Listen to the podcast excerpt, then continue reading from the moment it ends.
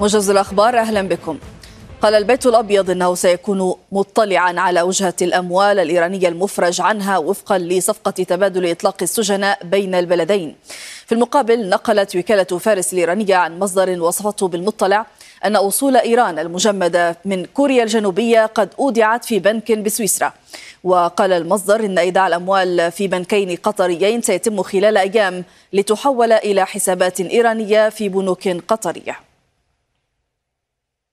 وقال وزير الدولة بوزارة الخارجية القطرية محمد بن عبد العزيز الخليفي للجزيرة إن الاتفاق الأمريكي الإيراني دليل على إمكانية تسوية خلافات المنطقة بالحوار وعبر عن أمل دولة قطر في أن تفضي الخطوة لاتفاق بشأن الملف النووي الإيراني. قال المتحدث باسم المجموعة الاقتصادية لدول غرب إفريقيا إكواس إن قادة جيوش المجموعة سيجتمعون الأسبوع المقبل لوضع الخطط اللازمة لتدخل عسكري محتمل في النيجر.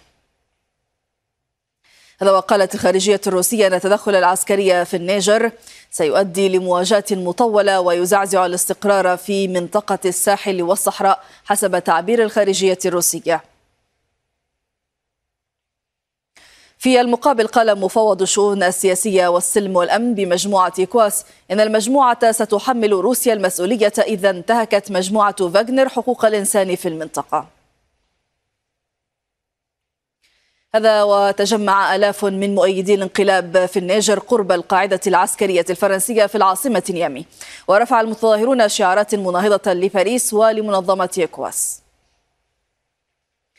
قالت القوات الجوية الأوكرانية أن طائرة روسية قصفت العاصمة كييف بصواريخ من نوع كينجال وأشارت إلى أن روسيا استهدفت أراضيها بخمسة صواريخ مجنحة ونفذت 61 غارة جوية. هذا وأعلنت القوات الروسية أنها صدت هجمات أوكرانية وتمكنت من إحراز تقدم نحو مدينة كوبيانسك في خاركيف شرقي البلاد.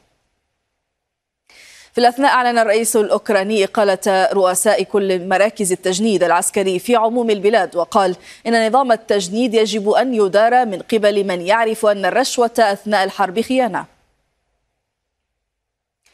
صعد الجيش السوداني من هجماته على مواقع للدعم السريع بالخرطوم وأم درمان وولاية شمال كردفان.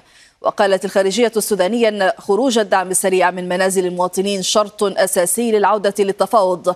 في الأثناء ناشدت الأمم المتحدة جميع الأطراف توفير وصول آمن للمساعدات لجميع أنحاء البلاد بما في ذلك كردفان ودارفور.